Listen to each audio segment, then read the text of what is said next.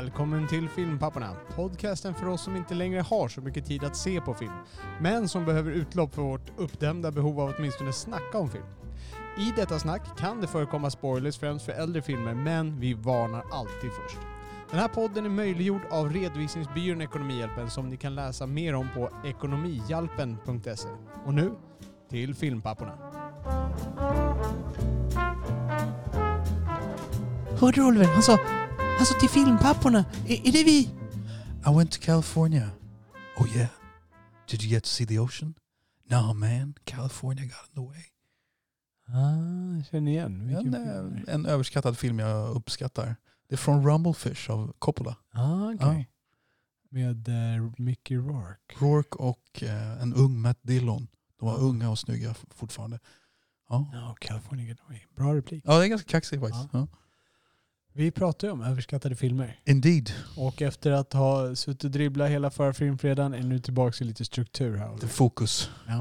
Och eh, vi ska nu eh, ta upp våra mest överskattade, din och min. Vad har vi haft på listan hittills?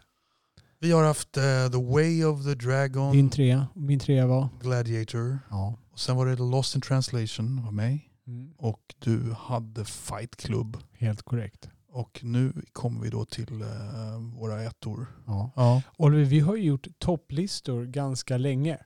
Eh, och eh, inte bara här på podden utan även när vi gick i, Sen på vi kände gymnasiet. varandra nästan. Ja, Mm. lite Och på gymnasiet så var det faktiskt du, jag och två av våra klasskamrater, eh, mest de två klasskamraterna som startade en hemsida med en, eh, det var, jag vet inte om det var en topplista, men det var en lista på en massa namn på porrfilmer när man tog filmtitlar gjorde om till porrfilmer. Så det var, det var alltså förslag. S- Låt oss vara helt ärliga här. Det var Ja. en person som startade den faktiska sidan och drev den. Det var vi som kom med massa titlar. Okej, det var så det var. Ja. Okej. Eh, Det var en, eh, en kille som jobbade i eh, IT-branschen. Han var väldigt duktig. Han var uttråkad och hade alldeles för mycket tid. Ja. Och det här är Och- på 90-talet så Här är- hemsidor är ganska ja, stort. Sent 90-tal, tidigt. Ja. Ja. det är ungefär samma epok som din överskattade film skulle jag säga. Ja, just det. Ja.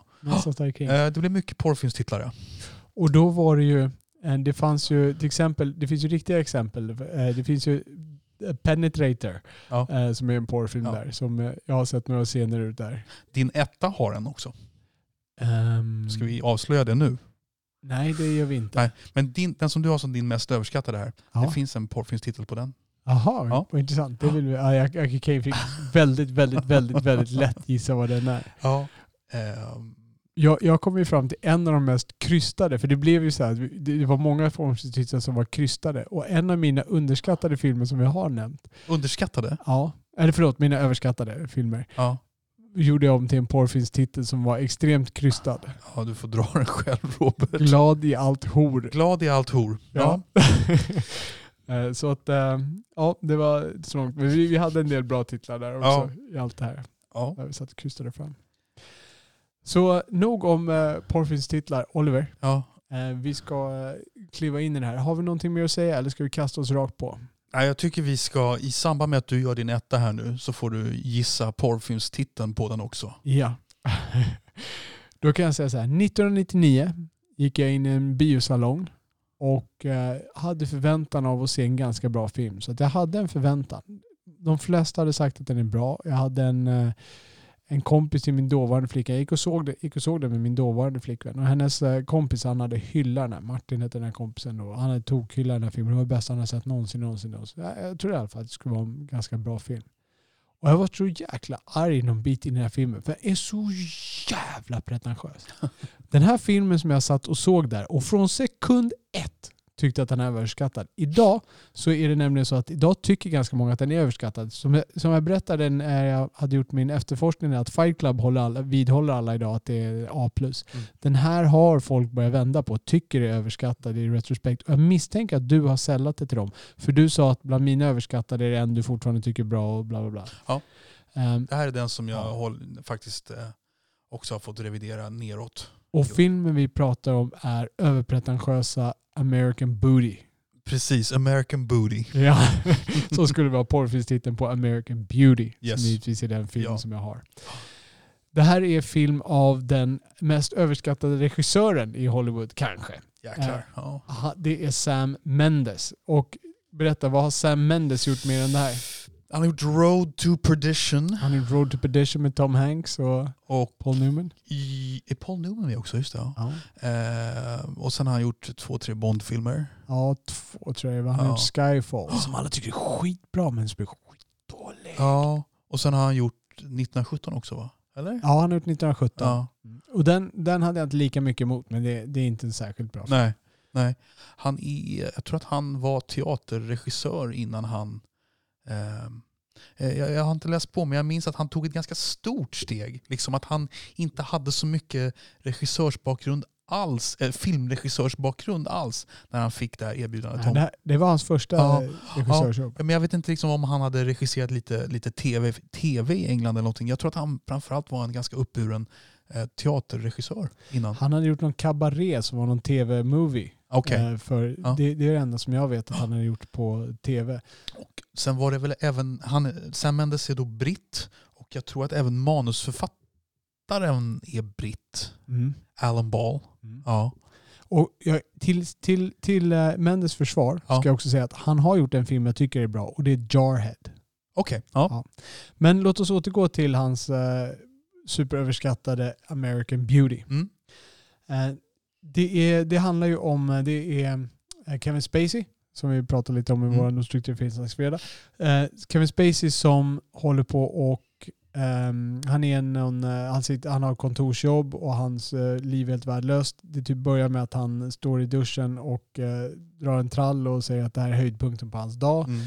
Och sen så går han bara igenom det här för att illustrera att så här hemskt och Mm. tomt är hans liv och meningslöst. Och han, men han har sin fru, han bor i medelklass förortsvilla.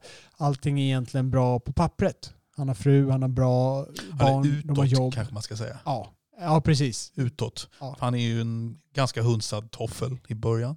Som jag minns det. Ja, Oh! eh, det är han väl. Och hans fru är Annette Benning, spelar henne. Ja. Briljanta Annette Benning. Eh, och så har han en dotter. Han har bara en dotter, de har bara ett barn. Eh, och ehm, så att någon dag får han bara för sig att fuck it. Nu, eh, nu ska jag bli någonting. Var det nå- jag må- jag måste säga att jag minns inte. Var det något särskilt som hände som fick honom att göra det? Det var väl inte något här jättestort. Nej, eh, jag kommer inte ihåg eh, hur det var. Eh, frun är ju otrogen men det är inte det som är upptakten till det Nej. hela. Utan det är väl en mishmash av att han är trött, han är eh, i dålig fysisk form, eh, han får ingen kärlek av sin dotter eller sin fru. Eh, och så går de på en liten eh, high school game eller vad det är där dottern är cheerleader ihop med en annan tjej Ja, som Mm. spelas av Mina Suvari och Mina Suvari är väldigt söt och eh, är liksom stjärnan i det där cheerleader-gänget. Eller hon är den som fångar upp Kevin Spaceys blick Ja. kan man säga. Så att jag vet inte riktigt vad som liksom är den utlösande faktorn till hans eh, förändringscrusade eller vad man ska säga. Hur som helst blir det en förändringscrusade. Ja. Han, eh, han börjar eh, röka lite grann, han börjar träna Han lär, fan. förlåt, han lär känna en grannson som är son till, han är son till en militär som är väldigt Ja, auktoritär. Och den här sonen är liksom motsatsen till sin pappa och röker weed och Ja, och vad är säljer konstigt? weed. säljer weed och, och filmar och är, är så här konstig. Liksom. Ja. Ja. Och eh, Kevin Spacey börjar testa på alla möjliga saker. Han börjar träna, han börjar åtrå den här tjejen och bara, ja, börjar jaga henne ganska ostört. Och börjar säga ifrån till sin fru och så vidare. Och, så vidare. Och deras hem eh, blir, eh, ja, det är som att någon rör om där. Jag ska Ja. inte säga att det faller ihop som ett korthus, men det är som att någon rör om Mm. och det blir lite kaos. Hans fru eh, får också problem. Hon är, Mm. hon är mäklare då som har varit ganska framgångsrik men börjar få det svårt och så vidare. Mm. Så att, Och han säger upp sig från sitt jobb exakt. också och tar något McDonalds jobb. Och det är där han upptäcker sin fru. Att eh, hon, kommer till, hon kör in i the drive-in med sin Ja, älskare som spelas av Peter Och Gallagher. han ser till att servera dem. Ja, Ja. ja. Ehm, Så han har ganska mycket ilska i sig och ganska mycket att göra upp mot Ja. kan man säga. Ja. Ja. Så att Eh, eh, han, eh, han gör det där och börjar... eh, Och, och huvudspåret är väl just att han ska då efter vad heter Mira Sorvino, Nej, eh, Nej. Mina Suvari. Mina Sovari. Mm. Han ska efter hennes karaktär och hennes dotters klasskamrat. Ja. Och den klasskamraten kan säga att hon är ute efter att eh, ligga med någon äldre. Hon skryter om att hon ligger med äldre killar. Liksom, att hon har legat runt liksom, med, Ja, med Ja. män och sådär. hon, eh, ja. Så att, att hon är promiskuös. Eh, och sen, vi kommer spoila det här. Så stäng av och slänger, slänger bodden i väggen höll på att säga. Men stäng av. Vi kanske ska börja med att säga att, att det- det här, det, du, har en, du har Kevin Spaceys narrator voice som ligger över filmen från Ja, början. exakt. en bra, till och från genom hela filmen kan man Ja. säga. Ja. Och varför är det hans narrator voice kan man säga? Därför att han är död. Ja, han ser tillbaks Ja. på sitt liv. Det är hans liv som passerar revy kan man säga. Exakt. Ja, eller det sista av hans liv. Ja. För att eh, han eh, ger lite fel signaler till den här militäriska grannen. Ja. Militäriska grannen uppfattar lite homosexuella lockelser. Och då ger han in eh, sitt, för han är homofob. Men Ja. det visar att han givetvis är homosexuell den här militärgrannen. Och sen kommer han över och så försöker han ge honom en kyss och då visar det sig att nej, jag är inte alls intresserad av. Jessica Spacey.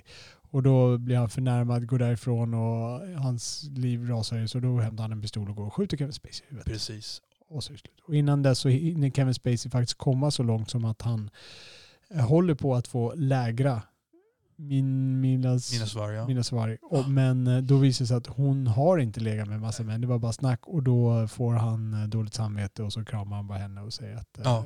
det här var ingen bra idé. Precis. Sen blir han skjuten. Lite senare. Eh, ja, Ja. så det, är, det är filmen. Och den här filmen den skulle vara så djup och så fin och så eh, budskapig och sånt där. Men shit vad de skriver på näsan. Allting är ju så här överpretentiöst. Mm.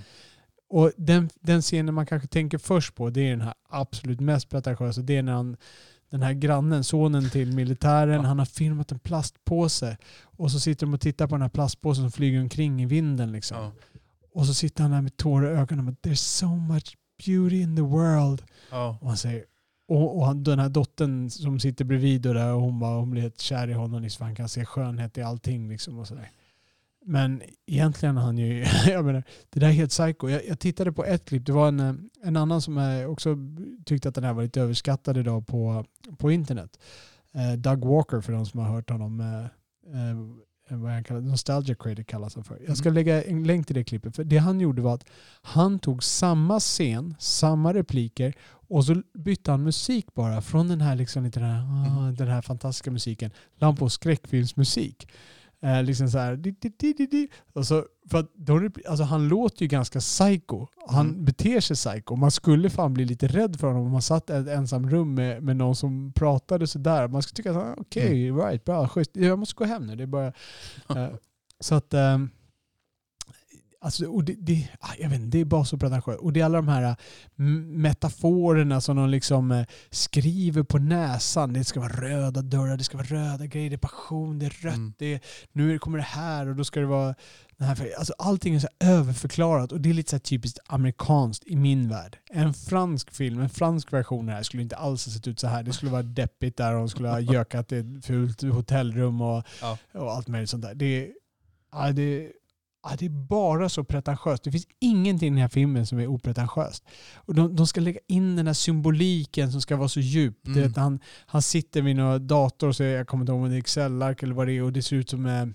eh, vad heter det, stänger i, i ett fängelse. Liksom. Ja, Han tiden han är fängslad, han är fängslad i sin cubicle, han är fängslad i sitt badrum, han är fängslad i sig själv och nu blir han fri. Ja. Och det bara, åh, då ska han, alla tecken på att han är fri. Och så, åh, det är liksom, Ja. hur, vad fan, ge upp. Det är bara, alltså, skri, fan, hitta en regissör och skådespelare som kan berätta det här utan att, bara, utan att använda jävla bildspråk som ska... Ah, Ja. Jag blir bara... Jag blir sur när jag tänker på det.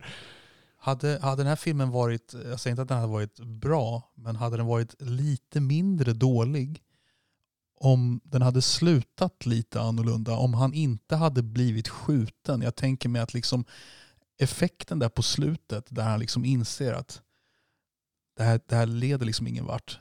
Att, Ja. att den här 17-åringen liksom. Eh, jag, bara undrar, jag bara undrar, det här är en liten detalj, om den här eh, att han faktiskt blir skjuten om det faktiskt tillför något eller om man hade kunnat sluta redan innan det. Om det liksom, okej då får du ta Ja. bort narrate, narrator. eh, Mitt svar är nej. Det hade inte gjort den bättre? Nej, det har inte nej. gjort den bättre för Nej. fem öre. Nej. För att alla problem är redan uppdag, alltså upprabblade tills dess. Okej. Slutet spelar egentligen ingen roll i det här. Nej. Det är bara mer i pretto. Oj, han dog. Det var bara narrator voice. Mm. Wow, det här kunde man aldrig se komma. Liksom. Jag trodde att här, han skulle få ett uh, lyckligt incestuöst förhållande med, med sin dotters skolkamrat. Det, det, här, det såg ut att gå så bra. Liksom. Eh, ah, jag, jag vet inte vad... Det, är liksom, det kan ju bara sluta liksom i, i, i någon form av bajs. Alla vägar är ju dåliga. Ja. Och, och men, då menar jag bajs för den här karaktären. Antingen, antingen blir incest, eller incest säger jag, det, jag menar eh, eh, ped- pedofiligräns i alla fall. Mm. Och, eller också blir det, ja, ska han reparera förhållandet eller ska hans familj rasa ihop som ett korthus? Vad, vad är det ska göra? Det kommer gå åt skogen. Han gick åt skogen på det här sättet. Det var nästan det minst åt skogen Mm. det kunde gå för då kan hans familj i alla fall gå vidare på ett annat sätt. Liksom. Men hörde jag dig säga att du tyckte Ann- Annette Benning var briljant mitt i det här? Eller var, Eh, det- var det generellt? Eller Jag tycker det, hon är en briljant skådespelerska. Generellt sett? Ja, precis. okej. Eh, I den här så är allting är bara överspelat och pretentiöst. I den här, Ja. det, det, är- det är bra skådis. Jag tycker Kevin Spacey är en bra skådis också. Ja, Ehm, men eh, nej, ingenting blir bra i det här. nej. Allting bara döljs i det här uh, pretto-försöket. Vad, vad tycker du om den här filmen? Jag Ja, men jag- lyssna lite. Jag tyckte den var bra när det begav sig. Och jag såg den på bio, det, det, det är ju år 2000. Jag minns att jag såg den på bio i, i London. Eh, och jag tror att om man tittar på det lite så objektivt, vad, vad, man, liksom, vad den kan ha haft för charm eller vad det var. Ska börja. Det, det är ju det här att, att det finns ju någon viss kraft i, i skildringar där någon faktiskt förändrar sitt liv lite grann. Och att det kanske var någon, något av attraktionen i den när det begav sig. Eh, men han, han, börjar, han börjar stå upp mot sin fru, han, han ger sig ut och kutar med, med två gay snubbar och börjar lyfta bänkpress. Och åstadkommer lite förändring i alla fall. Eh, som, som kändes lite positiv. Eh, men sen när jag såg om den så tyckte jag den var återigen det här energifattigt och fallande eh, rosblad. Och, ja. eh, bra. Jag tycker nog inte att Kevin Spacey är så jädra bra i den här filmen som skådis faktiskt. Jag, jag, tycker så här, jag tycker så här att låt vara att han då är hunsad av sin fru och att han är bitter på livet och allting. Men han har ändå gift sig med den här kvinnan och varit kär i den här kvinnan och fått en dotter med den här kvinnan. Och så här, borde man inte som skådespelare ta vara på ett, en liten, liten procent av värme som brinner igenom mot frun när man gestaltar en sån här karaktär. Det är bara 100% ilska och bitterhet. Mm. Jag tycker det är onyanserat. Ja. Alltså, Den här symboliken, vad, vad tycker du om det? Jag kommer inte ihåg så mycket. Det där med plastpåsarna, det, det tyckte jag var lite, det var nästan lite roligt tyckte jag. Jag tror inte att jag, jag tror att, jag vet inte om det, om det, är, om det är pretentiöst eller om det är skildring av någon som är pretentiös. Eller vad det, är. det, det, det stör jag mig faktiskt inte så mycket på. Det var bara så här, ja, det är vad det är liksom. Eh, Jag kommer inte ihåg så mycket av symboliken. Jag bara minns en massa, är det, är det, rosen, det är rosenblad som faller över Mina Suvari när hon typ ligger och är naken va? Eller vad det är? Men finns det inte lite rosenblad lite här och var? Eller är det bara något jag har i Ja, bakhuvudet? de, de ju in färgen rött mycket Ja. sådär liksom att den, Ja. eh, den lyser fram. Ja. Dörren och det är väl ja, både så här filtar och sånt där också. Eh, Så att de, de använder de där grejerna som, som ska då trycka fram deras budskap och ja, Mm. jag menar, ja, nej, bajs. Jag vet att eh, han som, fotograf, Ja, han som fotograferade filmen fick en Oscar. Okej, vem är bäst, det? bäst foto. Jag, jag, jag kommer inte ihåg vad han heter. Jag tror att det är samma fotograf som gjorde en film vi har pratat om tidigare. Nämligen eh, den här Paul Newman-filmen, Western, vi har sett. Ja. Ja. Nej, den är fint fotograferad, Ja. det måste jag säga. Den är fint fotograferad, det är ungefär så långt jag kan gå i komplimanger. Men om vi liksom gör en liten rangordning här. Vad, vad är det som är sämst i detta? Är det storyn? Är det regin? Är det enskilda skådespelare? Alltså symboliken, det, det får man väl nästan tillskriva Jag- jag- manus, tänker jag. Nej, Eller skulle du-. Ja, men jag tänker mig så här, jag tänker mig att det är i manus det står att det ska vara fallande rose petals och what have you. Jag tänker mig att det inte är regissörens val, eller? Men det är en kombo av det där. eller? Ja, jag har svårt att tänka mig att det, att det ja, det, det, det, jag lägger det på regissören. Okej. Eh, Men det, det kanske är så att, han, att det står att det ska vara en massa, att det ska se ut som jail cells på hans dator. Det, tänker jag, det tänker jag mig att det är. Jag, okej. tänker, jag tänker mig att det är ett manus. Det är på manus tänker jag. Jag, jag, jag tänker, det, i, I filmprocessen, det är ju väldigt intressant här. Det är ju mycket dialog som sker on the spot och Ja. ändringar och så här. Det vet man ju aldrig riktigt. Nej. Ja, Jag, jag, vill, jag vill ändå lägga det i knät på Sam Mendes. Ja. Sam Mendes gör en film som är överdrivet pretentiös. Det finns, Han är det en finns nybörjare. ja, det, Ja. ja. i och för sig. Det är hans första film och det är kanske ingen dålig start. Eh, han gjorde den här uh, In a Road to Perdition och sen gjorde han Jarhead.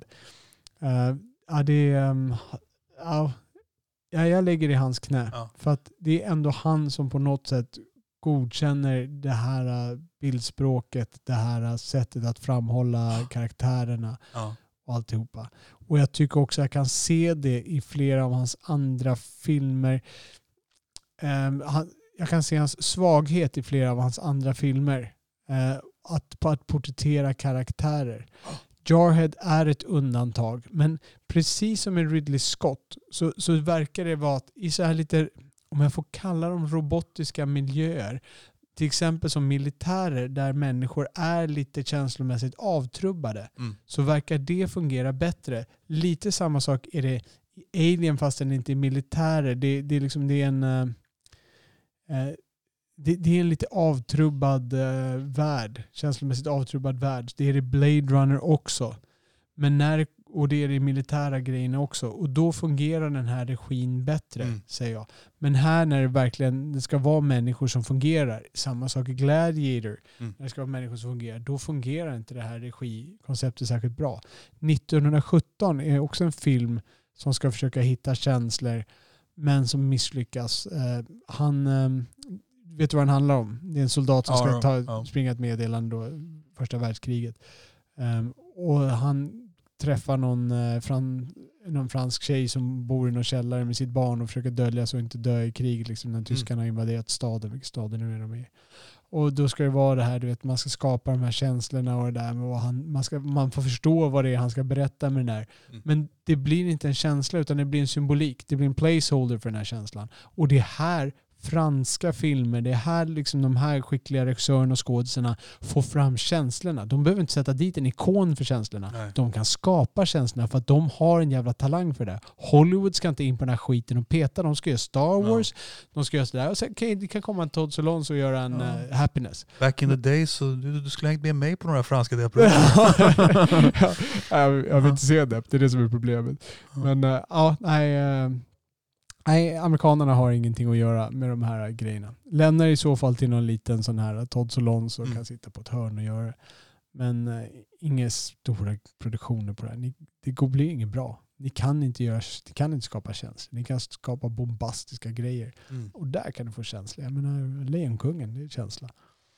Men eh, inte, inte, depp, inte depprullar liksom, Nej, livet. okej. Ja, så det var min rant över American Beauty. Ja, Jag tar några djupa andetag och Oliver. ja, du hade Brad Pitt i din eh, näst mest överskattade. Och nu har vi Brad Pitt på första plats. Jag, jag tycker om Brad Pitt men det här är skit. Och den anknyter också till ditt tredje pick. Ja, precis. Det här är då Once upon a time in Hollywood. Once upon a time in Hollywood. Inte in America utan i Hollywood. Ja. Först kom Once upon a time in the West av Sergio Leone Mm. 1969. Sen kom Once upon a time in America 1980, 81, 82 där någonstans. Mm. Två briljanta filmer. Sen kom eh, Once upon a... Sen finns det en, en, en eh, kung fu-rulle som heter Once upon a time in China som jag inte har sett med Jet Li från typ Mm. 91. Och sen kom Once upon a time in Mexico av Roberto Rodriguez Ja, som är ganska det. cool. Den är lite cool. Ja. Och så kommer då den här skiten Once upon a time in Hollywood som kom 2019 Ja. med eh, Leonardo DiCaprio och ehm, Brad Pitt. Eh, den, jag vet inte hur lång den är. Är den tre- 2.57? Den känns som ja, den, är, 4 den är ganska lång. Ja, den något känns som där. så här 4.48 ungefär. Ja. Den är fruktansvärt långsam. Ehm, och ehm, storyn då, du får hjälpa mig med att fylla i luckorna här. Du har sett mer av den här på sistone än jag. Ja, jag såg ni för det här. Ja, ehm, DiCaprios karaktär är lite löst influerad av Clint Eastwoods liv tror jag. Han är en, en skådespelare, inte riktigt som Clint Eastwood, för Clint Eastwood var fortfarande on the rise. Han var Ja. ganska ung när han valde att gå över till spagettivästern. Han var väl typ 30.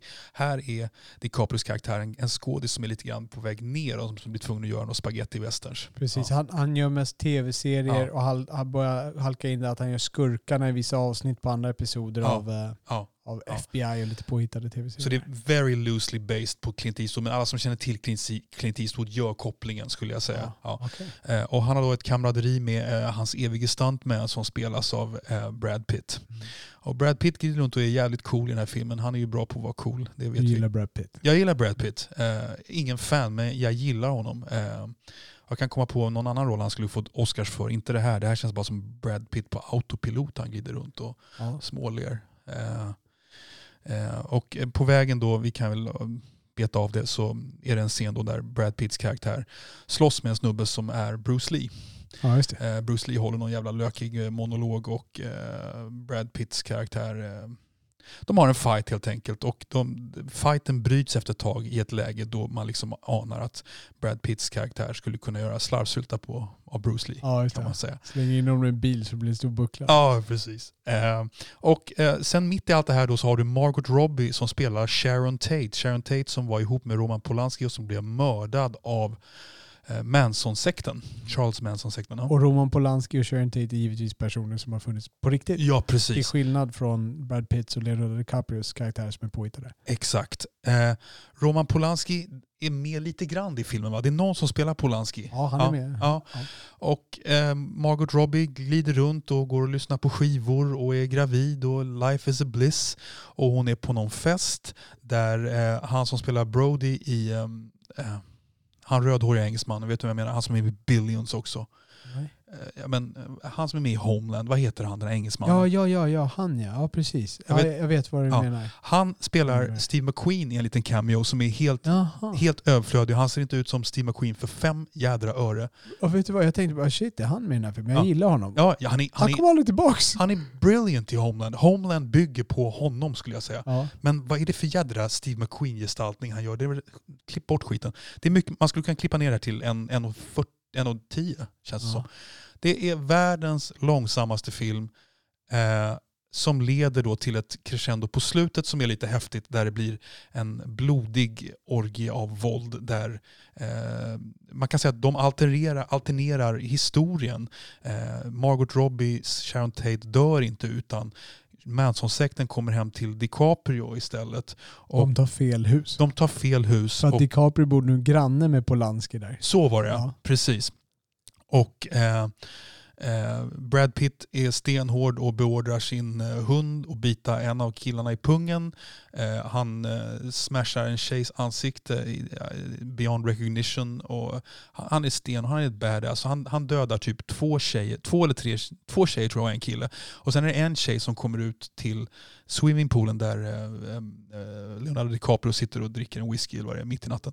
Och eh, och ehm, Leonardo DiCaprio plockar fram en eh, sån här flamethrower, jag vet inte ens vad det heter på svenska. Eldkastare. En eldkastare och sätter eld på en brud. Så alla i sekten blir dödade. Och eh, det var ju lite underhållande på slutet med denna gore. Ja. Eh, men transportsträckan dit är så lång så att jag visste inte var jag skulle ta vägen. Nej. Det är så mycket scener som är så ointressanta så att jag, jag, jag förstår inte. Jag, jag förstår att Tarantino får göra sådana här filmer för de går ju med vinst hela tiden. Men han gör sådana här filmer och jag förstår inte vad som har hänt med denne man som, som gjorde tre fantastiska filmer på 90-talet och som får ha hur mycket lekstuga han vill nu med sina larviga små homages till gamla filmer. Säger du att Jackie Brown är fantastisk? Ja, fantastiskt att ta i. Två fantastiska filmer och en Ja. riktigt bra. Okej. Ja, det är bra att du korrigerar mig där.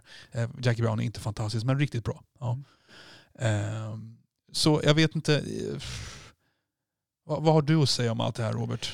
Jag eh, såg ju den, jag hade inte sett den här filmen så jag såg ju den inför det här. Ja. Att ha sett den också. Eh, Jag blev först överraskad över hur lång den var. Jag satte mig och kollade på den här kvällen. Jag hade väntat mig en, en 45-are liksom. Men sen, sen när jag började titta, vad, vad fasen, det händer ju jag kommer ingen vart. Nej. Eh, så- var så långt kvar. Så jag såg den på två sittningar. Så den kanske led lite av det. Men jag, jag, har- jag satt och väntade ända tills eh, slutscenerna där när- på att filmen skulle börja. Ja. Eh, På att handlingen skulle börja. På att det skulle börja hända någonting. Och jag, eh, jag skulle bara vilja säga meningslös. Ja. Jag, jag, meningslös är det ord jag hittade där. Eh, Jag kommer ihåg du sa lökig och då sa jag poänglös. Ja. Och du undrar vad var skillnaden mellan poänglös och lökig. Eh, Den ja, är tempofattig. ja, Ja. alltså Det behöver inte, en, en bra film kan ju vara tempofattig i och för sig. Ja. Ja, ja. Jag menar, det, jag är ju lite, alltså, bara en, alltså scenerna sådär, jag är lite småintresserad av scenerna Ja. sådär. Men det, histor- det finns ingen historia att vara Nej. intresserad av. Det finns så mycket, och det här är ju också en konst. Alltså ibland kan man, vissa regissörer kan, kan stoppa in lite artsy stuff. Och man brukar ju säga det att art, art in film, eh, lite nästan definitionsmässigt, det är när man, en artfilm är en film som har massa scener som inte driver fram handlingen, som bara visar karaktärer och Ja. visar något om karaktärer. Ja. Och det är så mycket scener som inte liksom tillför handlingen någonting i den här Nej. filmen. Det känns mest som att han vill visa olika aspekter av Hollywood. Ja. De åker ut till den här Charlie Manson-ranchen där, där sekten håller Ja. till. Och, och får han visa lite hur det var. De träffar Bruce Lee, får han visa hur det var. Mm. Han visar lite hur det var bakom kulisserna, hur man hamnar på en spagettivästern mellan tv-serier och hur svårt det var att vara Mm. skådis och sådana här saker.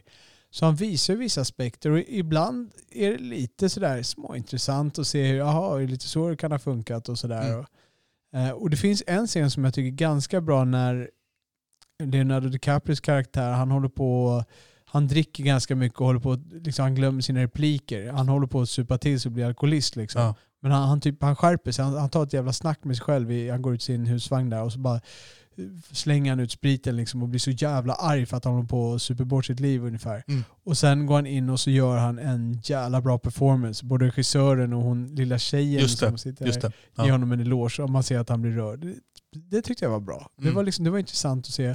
Och sen leder det, ja, det leder ingen vart. Nej. Som med Steve McQueens karaktär. Jag förstod inte att det var Steve. McQueen förrän du sa det nu. Eh, jag bara, vad tog han vägen? Vad, vad hände med de här grejerna? Vad, vad är poängen? Det, ja, jag vet inte. Det Nej. bara, det bara driver runt. Och, och allting då, ska det mynna ut i syftet att visa den här slutscenen då när, när han, precis som han gjorde i Inglourious Basterds, när Hitler dog. Ja. Eh, så ändrar i verkligheten här. Och det känns nästan som att han, fan ska vi inte, ska vi inte ge, de, ge de här jävlarna vad de förtjänade? De som dör. Berätta igen, vad, vad var de gjorde egentligen den här Charlie Manson? De mördade De mördade Sharon Tate som var gravid. Och, mm, Roman Polanskis gravida fru. ja, ja. ja, precis. Och, och här tar de då istället fel hus och då får de stryk som fan av Brad Pitt liksom som bara, han bussar hunden på Ja, ja, dem och slår dem i väggen tills det bara är spillror kvar och DiCaprio bränner upp dem. Och det är Man bara, får känslan av att så här, Ja. Tarantino och Pitt de njuter av att vara så totalt politiskt inkorrekta när Brad Pitt slammar en Ja. tjejs ansikte i någon jäkla pelare så här 20 gånger Ja, tills hon är helt, ansiktet helt förstört. Ja, exakt. Och de visar gärna, hur Ja. förstört det är och sådana Ja. grejer. Och det, och det känns som att, här- ta, ta det här motherfucker som gjorde den här hemska grejen. Liksom. Precis Ja. som att ta det här Hitler, för de står och skjuter på Hitlers kropp liksom, i, i tre minuter efter att han är död. Liksom. Ja, precis. I Inglourious Basterds då. Ja. Eh, Och, och jag vet inte, det här är ju... Som sagt, vi ska prata lite om Brad Pitt tycker jag. Jag tycker, jag tycker inte Brad Pitt är en mästerlig skådis, men han, har- han har lärt sig att förvalta det han kan bra i sina filmer. Jag tycker många bra roller av honom. Jag tycker om honom i Fight Club som sagt. Jag tycker om honom i Seven, där tror jag du gillar honom också. Eh, Jag tycker om honom i True Romance. Jag kan nämna säkert 10-12 filmer där han är riktigt bra. Ja. Så här. Och han har ju något väldigt coolt över sig eh, i liksom hela sin aura och sådär. Men det här, är det här någonting att få en birolls-Oscar för? Och bara glida runt på autopilot och vara cool i tre timmar. Fick han biros Han fick en birolls-Oscar för den här jädra Jag fick rollen. Brad Pitt Ja. en biros Oscar ja, för det. ja, Ah, what the fuck? ja. Nej, men jag, jag, vet, inte. Vad, var, vad var konkurrensen? Eh, jag kommer inte ihåg, men jag- man undrar, är det här så här Lifetime Achievement-Oscar han får? Liksom? Nej, men, eh, det, här, det här- det här måste vara det lättaste acting job Brad Pitt har haft. ja.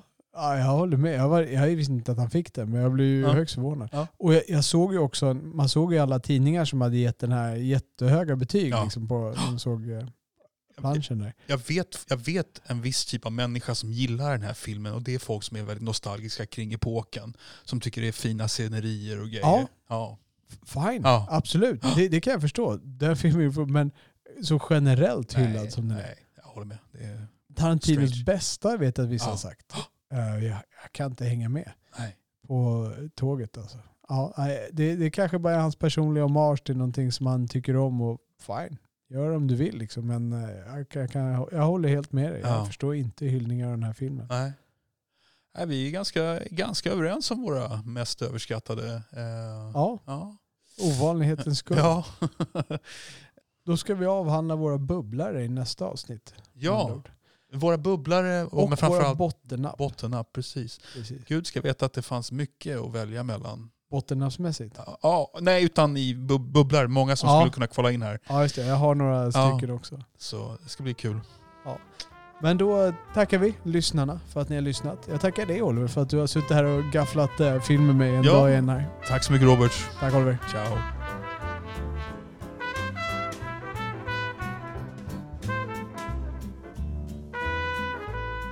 Ni har lyssnat på Filmpapporna som släpps onsdagar, fredagar och söndagar. Man kan ladda ner vår podd i alla vanliga poddappar. Ni hittar också våra avsnitt med fulla avsnittsanteckningar, länkar och klipp vi talat om på vår hemsida filmpapporna.se. Det är där ni lämnar kommentarer till varje avsnitt med era åsikter, beröm, förbättringstips, korrigeringar eller egna anekdoter. Ni kan också följa oss på Twitter, filmpapporna. Med det tackar vi redovisningsbyrån Ekonomihjälpen som möjliggjort denna podd och framförallt tackar vi er som lyssnat. På återhörande.